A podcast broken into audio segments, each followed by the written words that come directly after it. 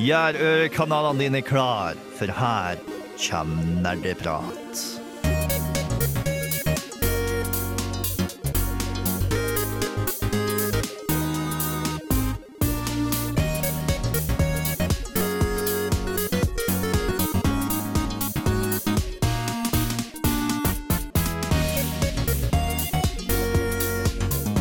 Hallo og velkommen tilbake til en ny episode med Nerdeprat. I dag har vi tenkt til å snakke om rogelike og rogelight-type spill. Eh, som du sikkert hører, det er meg, Håkon, som er programleder i dag nok en gang. Eh, med meg i studio så har vi godeste Tai. Anna? Og på teknikk har vi igjen Eh, Bård. Hei og velkommen Hei. til alle som lytter, og alle som er i studio i dag. Vi skal som nevnt snakke om uh, Rogues. Uh, før det så skal vi snakke om hva vi har gjort siden sist, men før det igjen så skal vi få en liten låt. Vi skal høre My Robot Friend med One More Try. Der fikk du My Robot Friend med One More Try. Da tenker jeg at jeg bare kan stille spørsmålet med en gang. Da. Hva har vi gjort siden sist? Er det noen som ønsker å starte tråden? Jeg har innsett at for å kunne skaffe meg alle de spillene som kommer framover i høst og neste år, så må jeg utvide lagringskapasiteten min på PlayStation. For den har jo allerede begynt å gå tom. Og da er det sånn OK, jeg er egentlig ikke helt ferdig med det spillet, jeg har ikke lyst til å slette, men jeg må det for å kunne skaffe meg dette nye. Så istedenfor å gjøre det gang på gang, så har jeg skaffet meg en sånn ekstern harddisk på 4 terabyte. Eh, Så da har jeg plass til Death Stranding framover og The Last of Us 2 og alle de spillene jeg måtte ønske, egentlig. For jeg tror det tar litt tid å fylle opp såpass med plass. Så jeg sikra meg det. Og skaffa meg sånn SD-kort til Switchen min. Ja. Så da har jeg plass både på PlayStation og Switch. Så Så, det har gått litt i spill i det siste. Utenom det så var jeg på eh, promenadekonserten for uka i går, og det var helt fantastisk. Og for de som ikke vet det, så er promenadekonserten det det man starter i gang Uka-festivalen med annethvert år. Med stort orkester og kor i bakgrunnen, og de spilte så mye fantastisk. Alt fra Løvenes konge til Pirates of the Caribbean til fuckings eh, Pokémon-tema. på norsk. Det er veldig spennende. Jeg skulle ønske jeg fikk vært der, men jeg satt heller og gjorde diskursanalyse. Så det var veldig gøy, da. Jeg angrer jo ikke. Hva med deg, Time? Hva har du gjort? Jeg har starta opp å spille Pyre fra Supergiant ah, Games. ja. Det er sånn spill som jeg har kjøpt for kjempelenge siden, men aldri har kommet rundt å spille. Kan du forklare kort hva det går ut på? Det er et RPG-basketballspill. Nei da, det det er veldig kunstnerisk og veldig fint. Er det litt sånn når du har anime som er sports-anime, så har du her bare et, et sportsspill? Det kan godt hende. Eh, det, det er jo sikkert det. Det er skikkelig ordentlig story. Skikkelig sånn eh, Folk er veldig De brenner veldig for det de gjør, fordi de faktisk brenner i bålet når de skårer mål. Så, så det er veldig spennende. Fantastisk innspill. Utrolig gøyalt konsept. Ja. Um, jeg kan jo ta meg, da. Um, jeg har fortsatt min uh, run gjennom uh, Kingdom Hearts-serien. Jeg har fullført det første. Uh, jeg startet på det neste kronologisk, som er Chain of Memories. Og jeg spilte det i totalt to timer før jeg ble fullstendig lei. Det er dritt, rett og slett. Er, um, de, fordi de gjorde Kingdom Hearts om til et, kall det et kortspill. Hvor uh, angrepene dine blir gjort gjennom kort i stedet. Og det er grusomt. Jeg hater det. Det er så tregt og kjedelig. Eh, Er det noe sånn eh, i spillet noen forklaring på hvorfor det plutselig er sånn? Gir det mening sånn i forhold til historien? Nei, det er egentlig bare sånn Å, du går inn i det, det som kalles Castle Oblivion. Sora kan ikke huske noen ting. Du angriper gjennom kort. Ja. Mm. Kom, kommer du til å hoppe over det, eller bare Jeg kommer ikke til å komme tilbake til det. Nei. Derimot så gikk jeg videre til eh, Kingdom Hearts 358 dager over to. Som eh, i eh, 1,5 pluss 2,5-remixen så er ikke spillet inkludert. Det er kun cutscenesa. Så i stedet for et spill, så er det en lang film. Og det fungerte ikke sånn superbra. Sånn fordi det var veldig mye sånn Når det var gameplay da i historien, så ble det heller bare forklart gjennom her er litt tekst. Roxus utførte oppdraget sitt, og Sigbar sa dette og dette. Og så går det videre til et cutscene som er et helt annet sted. Så det hang ikke så veldig bra sammen. Men det var en gøy historie. Jeg følte meg revet med, selv om det var utrolig cheesy. Som en siste ting jeg også bare kan kaste ut veldig raskt. Jeg har spilt en del uh, Untitled Goose Game. Å ja. Oh, jeg hadde en nyhet for senere, faktisk. Litt relatert til det. Ja, ja, men da kan vi spare det til da. Ja. Bård, hva med deg? Uh, jeg har ikke spilt så veldig mye. Uh, I hvert fall relevant for den sendingen, men noe som jeg har sett på som er veldig relevant for denne sendingen, er en, en YouTuber spiller gjennom Children of Morta. Vet ikke om noen av dere har hørt om det? Ja, det er så bra! Det er et uh, rogelike-spill med RPG-elementer. Ja. Så da, jeg regner med at vi kommer tilbake til definisjonen på rogelike senere, så jeg kan vente med det til Ja. da. Det, det tror jeg skal passe Men eh, spillet er Jeg har ikke spilt selv, men jeg har sett på det, og det er bra. Ja, Ok. Um, det er flott. Da har vi fått eh, gått gjennom hva vi har gjort siden sist. Eh, da tenker jeg at vi skal gå over til noe nerdenytt. Det er en liten stund siden vi har, vi har hatt dette. Eh, nå kommer det endelig noen relevante nyheter, så det blir bra. Før det så skal vi høre Berhana med 'Lucky Strike'. Nerdenytt.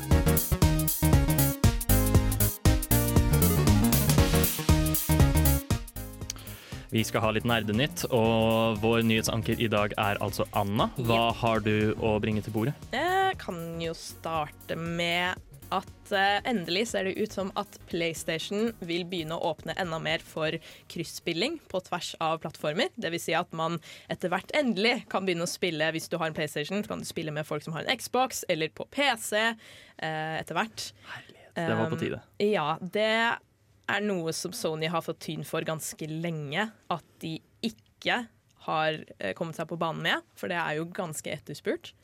Um, så det var noe som ble nevnt så vidt i et uh, intervju da, med uh, en som jobber i PlayStation. Hvor de liksom bare litt om en sidesetning nevnte om at ja, og PlayStation 4 sitt crossspill-arbeid har eh, kommet seg ut av beta-stadiet. Så da kommer det kanskje større annonseringer etter hvert. Jeg, jeg er ikke så mye på, på konsoll og sånt, men har Xbox det fra før nå, eller? Jeg har ikke Xbox. Det, det er med enkelte spill så har Xbox eh, crossplay. Det vil altså si mm, jeg, jeg vet hva, jeg kommer ikke på noen akkurat nå. Jeg tror Men- Fortnite er et veldig Ja. godt eksempel Ja, på det. Ja. Fortnite er et godt eksempel, Fordi der kan du du kan spille med både folk på PC og på Switch osv. osv. Jeg tror det var det som liksom blusset opp diskusjonen uh, først, fordi hvis du eh, spilte Fortnite på PlayStation, så ble et eller annet låst, eller Ja, Kontoen din ble låst til PlayStation din, som vil si at du bare kunne bruke den på PlayStation. Ja, og så har du jo eksempel også Rocket League. da. Så det er noen spill Mm. særlig hvor du har sett på samarbeidet mellom Microsoft og Switch, altså Nintendo. Eh, ser det ut som at du har fått åpnet for kryssplay der da, pga. samarbeidet mellom de to produsentene. Jeg elsker at de har blitt bestevenner. Jeg synes det er utrolig søtt Ja, og koselig. Hvem skulle sett det komme? Ja. Det er trist er jo at det er en av måtene som Xbox gjør seg mer relevant på, er liksom gjennom å bli besties med Nintendo. Ja. Har du noe mer nytt? Ja, eh, Noe jeg syns er ganske spennende, er jo alltid hvordan spill kan brukes for å lære folk ting, og særlig å lære barn ting.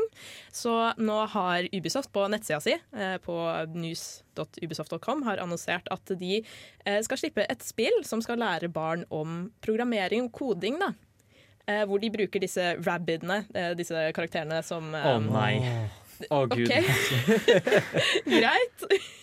Jeg har personlig ingen meninger om Rabbit-karakterene, men dette spillet da skal hete Rabbit Coding, og det skal være ute fra 8. oktober. Du kan laste ned gratis, ikke Jeg- mindre. Jeg kjenner bare Rabbids som de skapningene som drepte Rayman-serien. Og det gjør meg utrolig frustrert, fordi de er ikke noe gøy. De er, de er som minions, rett og slett. At de blir for mye liksom, etter en viss tid. De er veldig sånn øh, banana, ha-ha, lættis, ikke sant? Ja, Det er, de, det er sånn type humor de har. de er jo de er veldig retta mot barn, da, i hvert fall. Og Ja. poenget, eh, sier Ubisoft med det spillet her, det er at det skal være morsomt, men også lærerikt spill. Eh, kommer man inn på det gamification-aspektet, da. Eh, og så krever det ikke tidligere kunnskaper om koding, og du straffes ikke for å gjøre feil. Det er sånn type at du på en måte liksom bruker en sånn tankekontroll-hjelm for å styre karakterene dit de skal være, og så kan du dra og slippe ting rundt og sånn, eh, og øve deg på koding. Eh, så du, poenget er at du skal ha det gøy med å prøve deg fram på ting. Og så håper jo Ubisoft at da spillet etter hvert kan brukes i klasserom eller eh, andre undervisningssettinger hvor det kan ha et større formål. da. Mm. Så jeg syns det er ganske neat. Det høres veldig Rabbids ut, hele det der med hjelmer som kontrollerer dem til å gå rundt ting, Ja. og så videre og så videre. Ja, Men da fant de liksom et større formål for de, endelig. Får håpe de klarer det, da. Um, jeg har jo spilt Mario pluss Rabbids Kingdom Battle selv. Det er skikkelig bra. Så jeg ser jo potensial. Det er jo håp. Eh, har du en siste nyhet? Ja, eh, det er jo at nylig ble det sluppet et spill som heter Untitled Goose Game, som tok spillere og internett spesielt med storm. Og du hadde jo spilt det, Håkon. Ja, det har jeg. Eh, det er veldig gøy. Du bare, hele konseptet til spillet er at du styrer en irriterende gås, og du skal ødelegge dagen til folk. Jeg syns spesielt at den tagline til spillet er helt fantastisk. Det er en nydelig dag i landsbyen, og du er en forferdelig gås. og det har bare tatt helt av, og det er så mye memes ut og sånn. Hva, hva er liksom målet med spillet? Bare går du ut og knivstikker folk som en gås? Nei, det er typ sånn, eh, Du går først til et, en hage hvor det er en liten sånn gartner som driver og jobber, og så skal du bare gjøre hans jobb så vanskelig som mulig. um, ved å f.eks. kaste raka hans ut i sjøen. Uh, du skal stjele hatten hans, sånn at han må bruke solhatten sin i stedet. Um, du skal bare stjele masse grønnsaker og lage piknik. Og så, og så går du videre til neste hus, neste gate eller noe sånt, hvor du skal begynne å fucke opp der også. Men får du liksom en poengsum, da? Som du bare Nei, det er bare en liten story-type du følger. Når du er ferdig, så bare er det det, liksom. Mm. Ja. Men det spillet her har i hvert fall toppa bestselgerlista på Switch, blant annet. Eh, og nå pga. de gode salgstallene, antageligvis, da, så vil jo produsenten, som heter House House, eh, sannsynligvis eh, jobbe nå med å få overført dette til å også kunne spilles på PlayStation og Xbox og mobil. Så de jobber med det, Mobil, da. Var ja. nyheten jeg Ja, ville vet hva? fram til. Det kan jeg faktisk forestille meg er ganske bra egna for mobil. Så det er å være på utkikk for dere som ikke har Switch, men fremdeles vil spille Untitled Goose Game, fordi det kommer på andre plattformer også nå. Eh, straks skal vi gå over til temadelen, altså rogelikes. Før det så skal vi høre Cashmere Cat med Moo. Der fikk du Cashmere Cat med Moo. Som nevnt før låt, så skal vi snakke om rogelikes nå. Og det som er standard prosedyre her på Nerdeprat, er jo gjerne da å definere hva er egentlig en rogelike. Og det er, for å si det mildt, ganske vanskelig å definere dette her, fordi du har veldig mange begreper som går inn og ut av hverandre. Um, dominant uh, rogelikes og rogelights. For å starte, da. Um, rogelikes per definisjon på internett av det jeg kan finne, er spill som ligner veldig på det originale Rogue, som vi skal snakke mer om senere. Um, hvor det har elementer sånn som at det er top down, det skal være turn-based, um, og så skal det være RPG og ha permadeath-elementer. Uh, og så er det på en måte egentlig bare en dungeon crawler. Ja. Fordi det opprinnelige Rogue, det ble jo bare en på en måte dataspill eh, videreformidling av Dungeons and Dragons. Ja. Så det er derav du har alle disse fantasy-elementene og rollespill hvor du har stats som styrke og dexterity og sånn som spiller inn på hva karakteren din kan gjøre. da. Og så kan du også velge liksom ulike klasser og sånn av karakterer. Kun de opprinnelige Rogue. Ja. Det er for så vidt også et av de tidligste dataspillene jeg har hørt om. Vet, eh, Håkon og jeg har jo spilt det, det skal vi komme tilbake til, men vet noen av dere Tyler Bård når det kom ut? Nei. Ingen anelse. Det er før vi ble født. 1980, faktisk. Allerede da. Det er vel samme året som eh, en, Jeg lurer på om det enten er ett år før eller samme året som Pacman kom ut. Åh, det er ikonisk. Ja. Ikonisk tid. Så, men i hvert fall, grunnen til at dette er så vanskelig å definere, er fordi du har rogelikes, men så Og de fleste vil kanskje kjenne igjen, dersom du hører en rogelike, at her har du en tilfeldig generert eh, dungeon, så å si, hvor hvis du dør, så må du starte på nytt. Em, men om du skal se strengt på det, så må du ha også disse elementene av turbasert combat og eh, RPG-elementer og lignende. Og der kommer Roguelite inn. Eh, fordi Roguelite ses på som den samme tingen, men at den mangler ett eller flere av disse elementene. Ja, og der er liksom light-versjonen av noe er jo som regel liksom en lettere versjon, og da er det derfor du sier at ja, den ligner på Rogue-spill på denne og den måten, men den har litt andre ting her og her, men det er fortsatt en Rogue, bare en Rogue light. Ja. Ehm, så et eksempel som jeg kan komme på, da. Det er, ta for eksempel eh, FTL Faster Than Light. Jeg har ikke spilt det så mye, men eh, om man skal se veldig på om man skal se veldig strengt på definisjonene, da, så vil det være en roguelite fordi det har tre forskjellige game modes. Okay. Eh, en rogelight skal som regel ha én måte du kan ha combat på. Og det er et av de definerende sjangertrekkene. Så FTL er da en roguelite. Har du der eh, at du har randomiserte baner hver eneste gang? For det er en av hovedtrekkene ved Rogue-spill generelt.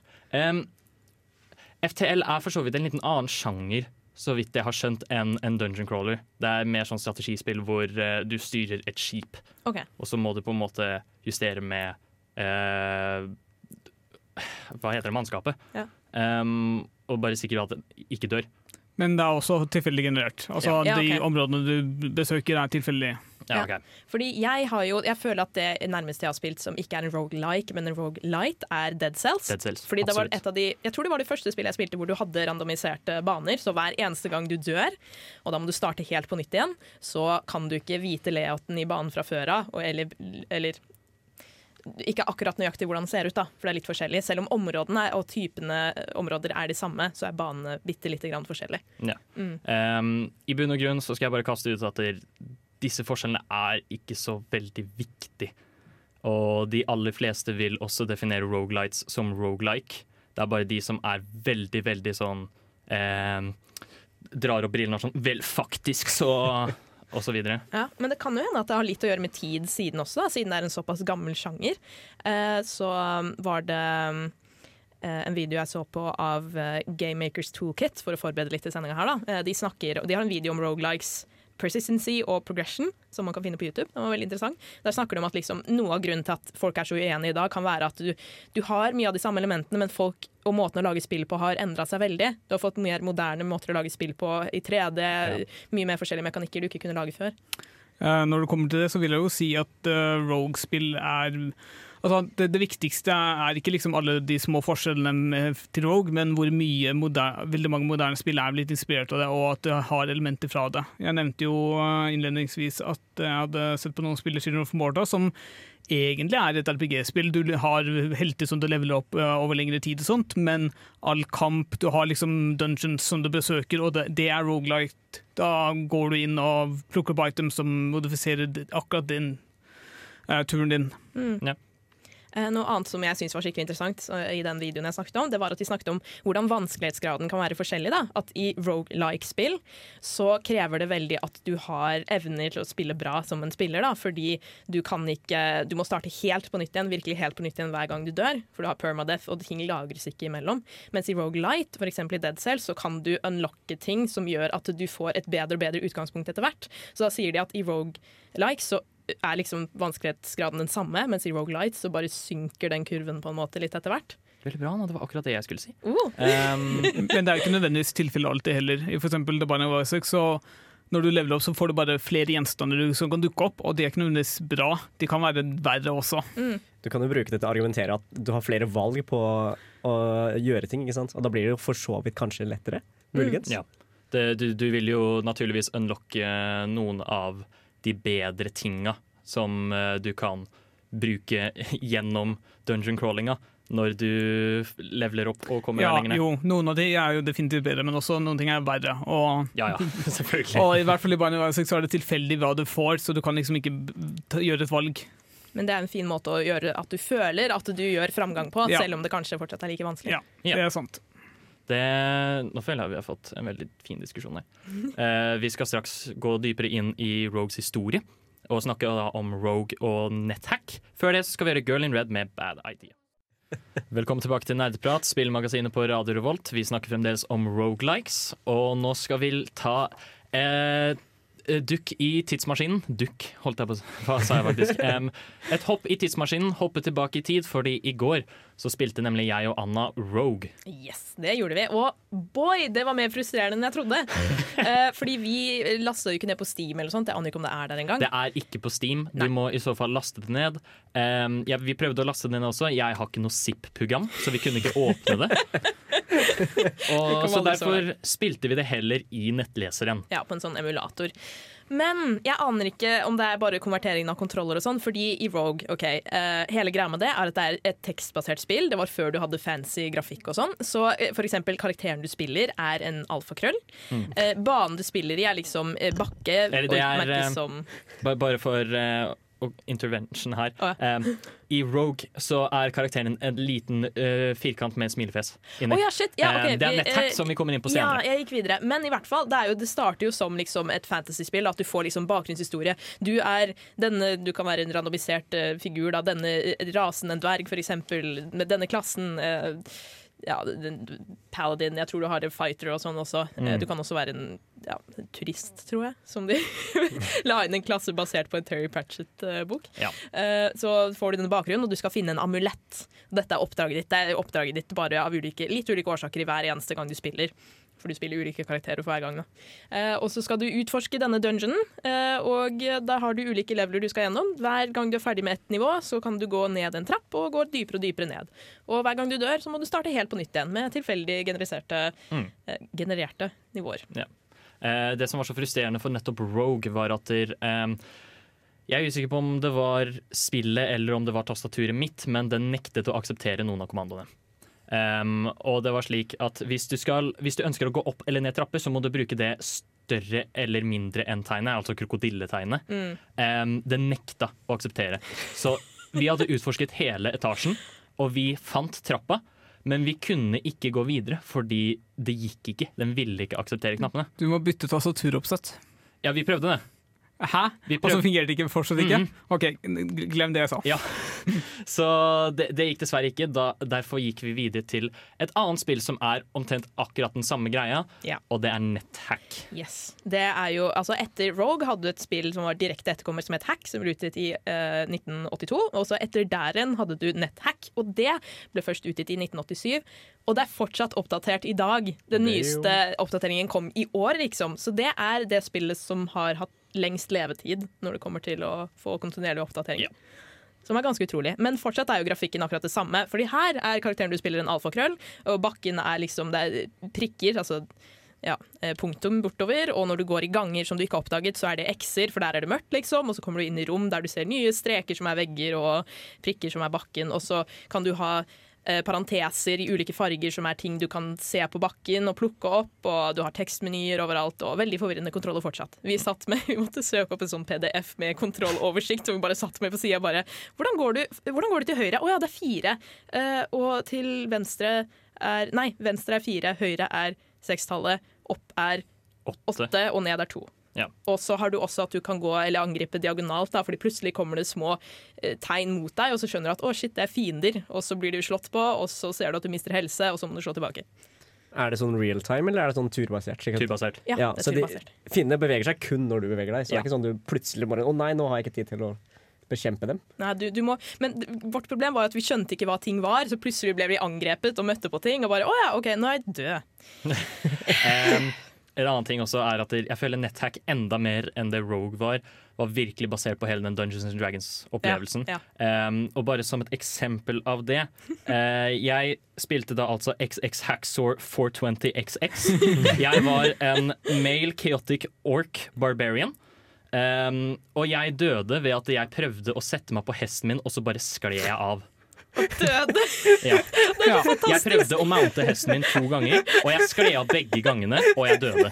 Og det er så fantastisk, fordi når du dør, da, så etter å ha gått gjennom eh, disse statene for hva du gjorde, og sånn, så får du bare opp en gravstein hvor det står Her ligger XX Haxor 420 XX døde av å skli av en Ja. ponni. Eh, XX Haxor 420XX slipped while mounting a saddled pony.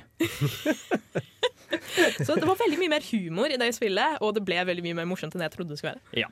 Em, så det anbefales å prøve NetHack eller Rogue. Det er faktisk ganske gøy-.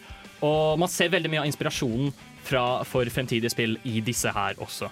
Um, vi skal straks snakke litt om type spill det f.eks. har inspirert, og bare forskjellige varianter av rogelikes. Før det så skal vi høre Antilamfront med litt av en kan. Der fikk du Antilamfront med litt av en kan. Som jeg nevnte før låt, så skal vi nå snakke om eh, varianter av rogelikes, fordi dette startet jo som typ en dungeon crawler, og du har fremdeles veldig mange eksempler av det.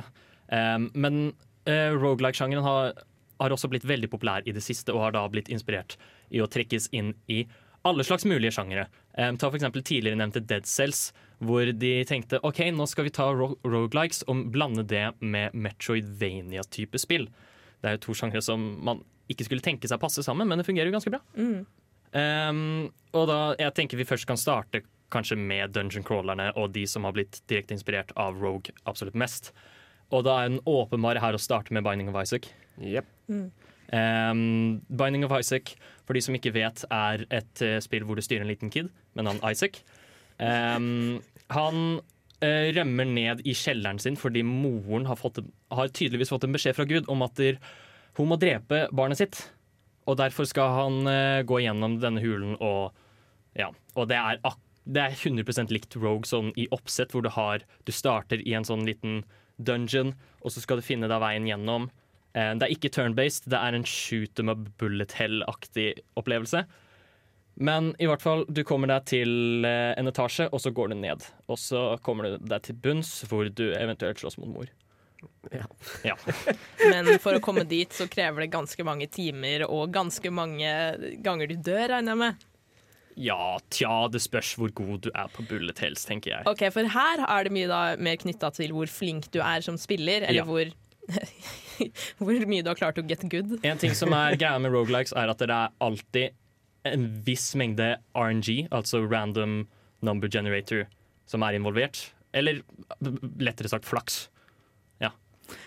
en annen ting som har vært å nevne med Isaac, er jo at det har levd utrolig lenge. Første utgang kom i 2011 i Flash, og så har de skrevet det om til et ordentlig programmeringsspråk. Og nå får det snart sin siste oppdatering, visstnok. Men det sa de tidligere også. Ja, altså jeg trodde Afterbirth Pluss skulle være den siste oppdateringen. Nei, nå, det ble sluppet en mod for en stund siden, så nå de nå begynner å liksom bake inn i spillet. Så nå skal det visst så komme den siste oppdateringen. Ok, så det vil altså si at det er kanskje ikke bedre tidspunkt å komme seg inn i Isaac enn akkurat nå. Fordi nå er jo spillet omtrent komplett. Um, Inntil de finner ut at de skal ligge til mer. Men ja, jeg er enig. Uh, ja. Jeg har noen andre eh, Har noen, noen andre eksempler om forskjellige varianter av rogelikes. Ja, Tain, Tai, du kan gå først. Slay the Spire.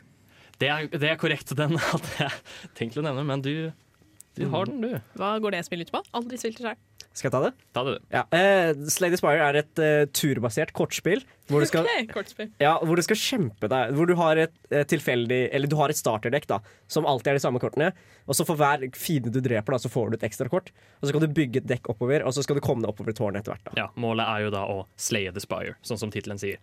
Eh, tenk dere Hearthstone, men om det var en rogelike. Ja.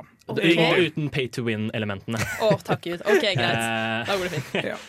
det er ikke involvert. Du Eh, Et annet eksempel er Enter the Gungeon, som er veldig likt uh, Isaac i sånn oppsett, egentlig, men at uh, du bruker skytevåpen, forskjellige skytevåpen. mm. Og det er så mange forskjellige skytevåpen som kombinerer seg på forskjellige måter og um, har komboer. og noen ikke-skytevåpen-items altså du kan bruke for å få mer ammo, eller plutselig så skyter du dobbelt, eller et eller annet sånt. Jeg liker også kunsten eller stilen til eh, Enter the Gungeon litt ned. Det er ikke like kjøttete som, Ja, nemlig. du Som det? Isaac. Kjøttete? Det er sånn, Et av nivåene på eh, Isaac er sånn at du er i livmoren til moren din Ja. Ja, ja. Okay. Uh, Isaac er veldig groteskt. ja. ja Ok. Absolutt. Eh, og så blir det Det er jo veldig mange sånn kristne symboler og alt det der, så etter hvert så slåss hun mot Megasatan og litt sånt. Ja. Megasatan. Ja. um, Eh, Et annet jeg vil nevne veldig kjapt, er eh, Crypt of the Necrodancer. ja! Der blander du faktisk eh, ikke bare, Der blander du rogelikes med rytmespill. Ja. Hvor eh, du har på en måte en liten sånn takt. Du har en musikk i bakgrunnen som går sånn bom, bom, bom, bom. Og så må du gjøre alt til rytmen av den musikken. Så det vil altså si at hvis du på en måte fucker opp, så fucker opp komboen din, og så kan du gjerne bli skada, eller hva det er. Så det er liksom Er det turbasert, bare at turene går etter rytmen? Ja, Ja. på en måte. Ah, okay. Okay, Så det har veldig mange rogue-elementer? da? Er du sånn permadød og sånn? Ja. Ja. Um, eller det er ish, fordi det er også Du, du kan, hvis du vil, um, ta Du har fem soner i spillet, da. Og du kan hvis du vil ta disse hver for seg, eller så kan du ta alt i ett run. Tar du alt i ett run, så er dette en tradisjonell rogelike. Fordi Ok. det er tile-basert movement, um, det er turn-based, og det er permadeath. Um, anbefaler også å høre på soundtracket. Det er skikkelig skikkelig bra. En annen ting som har vært er at du har persistente oppgraderinger. Du kjøper oppgraderinger gjennom over flere runs. Um, så det var det. Det finnes mange forskjellige varianter av rogelag som vi kunne snakket om, men vi må nesten videre. Vi skal høre Pelikat med So Is It True. Du lytter til Nerdeprat fra Radio Revolt. You're listening to Nerd Talk from Radio Revolt. Det stemmer, du lytter fremdeles til Nerdeprat på Radio Revolt. Og vi snakker fremdeles om rogelikes. Nå skal vi gå over til nesten et lite gameshow. Er dette egentlig en rogue? Haha. Ja da. Um, jeg tenker å innlede denne samtalen her egentlig litt med et eksempel. da. Um, og det er, det er et spill jeg har spilt en del, men ikke så veldig mye av. Og det er Darkest Dungeon. Um, dette spillet reklameres som en rogelike. Alle si, hevder at det er en rogelike, men Og det, det er veldig mange av elementene der. Du har jo f.eks. en tilfeldig generert dungeon um, med turbasert combat og nest, så, nesten permadeath. Problemet her da, som får meg til å tenke noe annet, er uh, at det er jo ikke Det er teknisk sett ikke permadeath, det er noe som kalles karakterdeaths. Det vil altså si at hvis en av karakterene dine dør, så er den borte. Du kan ikke hente dem igjen, men spillet ditt er ikke over. Starter du da med et visst antall karakterer du kan starte å spille som, og etter hvert så kort tynnes det bare ned på mengden karakterer du kan velge? Nei, fordi du kan alltids rekruttere flere. OK, så når du kommer lenger og lenger, så møter du på flere karakterer som du kan bare få inn i det repertoaret Ja. karakterer? Mange vil argumentere for at permadeath-systemet og litt det Bård har snakket om, at man må liksom Man starter alltid på det samme utgangspunktet hver gang. Ja, jeg nevnte vel egentlig av da, men uh, Ja. eh, et veldig definerende sj- sjangertrekk i mine i hvert fall, er at du har en slags loop, du har et kampsystem, og da i den loopen så starter du alltid fra, altså, med samme utgangspunkt hver eneste gang. Ja. Altså, Antall gjenstander du kan velge mellom når du kommer i løpet av spillet, varierer seg kanskje etter hvert som du kommer videre i liksom, hovedspillet, men du skal liksom ha de samme verdiene når du starter, mer eller mindre. Så per den definisjonen er det ikke et roguelike-spill. Jeg ville sagt det. Jeg ville også sagt det. Altså det er, en, det er så, såpass mange likhetstrekk at eh, det går innunder det. Og det er jo også det jeg nevnte tidligere, man burde ikke se på skilnader, men heller se på fellestrekk. Men er det ikke da en roguelite? For vi snakket om at rogelights er jo Mm. da spill som har mange av trekkene, men ikke mange nok til å oppfylle de aller strengeste kriteriene. Ja, det her det er vanskelig, skjønner du. Ja. Um, fordi tanken min her er at med denne logikken her, hvis du kaller uh, Darkest Dungeon en roguelike, kan man ikke da kalle XCOM på Ironman-mode også en roguelike? Eller roguelite, da. Men vi kaller det ikke en, ikke en roguelike, vi kaller det en roguelite. Og da burde det jo definitivt gå, kanskje? Uh, jeg er enig med deg. altså Darkest Dungeon er mer eller mindre ekvivalent med XCOM Ja. i, sånn, i forhold til denne sjangeren. Mm. Så, men ingen klassifiserer XCOM som en roguelite, så hvordan skal man løse Kanskje dette problemet? Kanskje fordi XCOM er også tredjeperson og um, har litt uh, um, Ja, men eh, Binding of Isaac er jo også Nei, Er det ikke det? det er 2D. Ja, men Det er jo ikke fortsatt tredjeperson. Det er, uh, Ja, jeg mente Nei, det er top Å down. ja. Oh, ja, top down. Sånn, ja. Ja. OK, greit. Ja, Jeg gjøre. mente 3D, ja. Ok. Ja, du, tre dimensjoner opp og ned. Ja, jeg, ja, jeg skjønner. Um, så ja, jeg, jeg ville bare få fram den diskusjonen. At der, uh, jeg føler folk kaster begrepet roguelike om, ut om så veldig mye. Sånn som at roguelike slash roguelite, da. Det er jo omtrent den samme tingen i mine øyne. Eh, men det blir så merkelig da å Når folk definerer rogelights, eller roguelike spesielt, da som permadeath-systemet og hele den Jeg orker ikke å gjenta alt det Bård sa i stad, men lytt til det. Mm. Um, da, blir det da blir det litt sånn kronglete og vanskelig. Men jeg føler at en av tingene som gjør at folk bruker de begrepene litt om hverandre i dag, f.eks. Steam, det er jo at folk som liker denne som er en helt ren roguelike, vil sannsynligvis også like disse andre spillene, fordi de er såpass like i, med tanke på typen utfordring du får som spiller, med tanke på liksom hvilke grunnelementer som går igjen, da, selv om det ikke er like mange som en helt uh, ren hermetegn. Uh, roguelike. Så du liksom bruker det i dag for at man lettere skal kunne reklamere for spillet sitt. Og vite at det er sånn her jeg får nye spillere på, fordi folk liker denne sjangeren. Og da er det lettere å liksom selge det inn som en del av denne sjangeren. da. Og så vil jeg på, også påpeke at roguelike i hovedsak påvirker kampsystemet. Og hvis folk vet at de liker et roguelike kampsystem, så er det kanskje godt nok argument for dem at de skal kjøpe spillet. Sånn type ting, En ting som solgte meg på Dead Cells, var jo det der når du, blir vant til at når du dør må du starte helt på nytt igjen, så likte jeg det ganske godt, for da blir det en ny type utfordring som jeg ikke hadde fått før i spill. Og da kan man selge meg, eksempel, på videre at dette spillet som jeg ikke har spilt før, har også de samme elementene. Med andre ord, dere tenker at det er rent kommersielt. Eh, dette valget her i å kalle slike titler som eh, roguelikes. Eh, litt mer i dag da enn det var før, for man har så mye å velge mellom. Mm. Ja, det det er jo mye interessant å diskutere der. Eh, jeg vet ikke selv hva jeg ville ment om det. Jeg bare syns det var et interessant tema å ta opp med dere. Eh, vi skal straks avslutte sendinga. Eh, før det så skal vi høre Egge med Same Street. Vi er straks ved veis ende her i Nerdeprat. Um, og det er vel et par ting som skjer uh, i Trondheim nå til helga, i hvert fall. Sånn som for eksempel på søndag. Så har Vi jo godeste Vi nevnte dette forrige gang òg, men nå vet jeg konkret at på søndag så skal Kjellerbandet eh, spille Nintendo-musikk. Ja, og det er i forbindelse med uka-opplegget.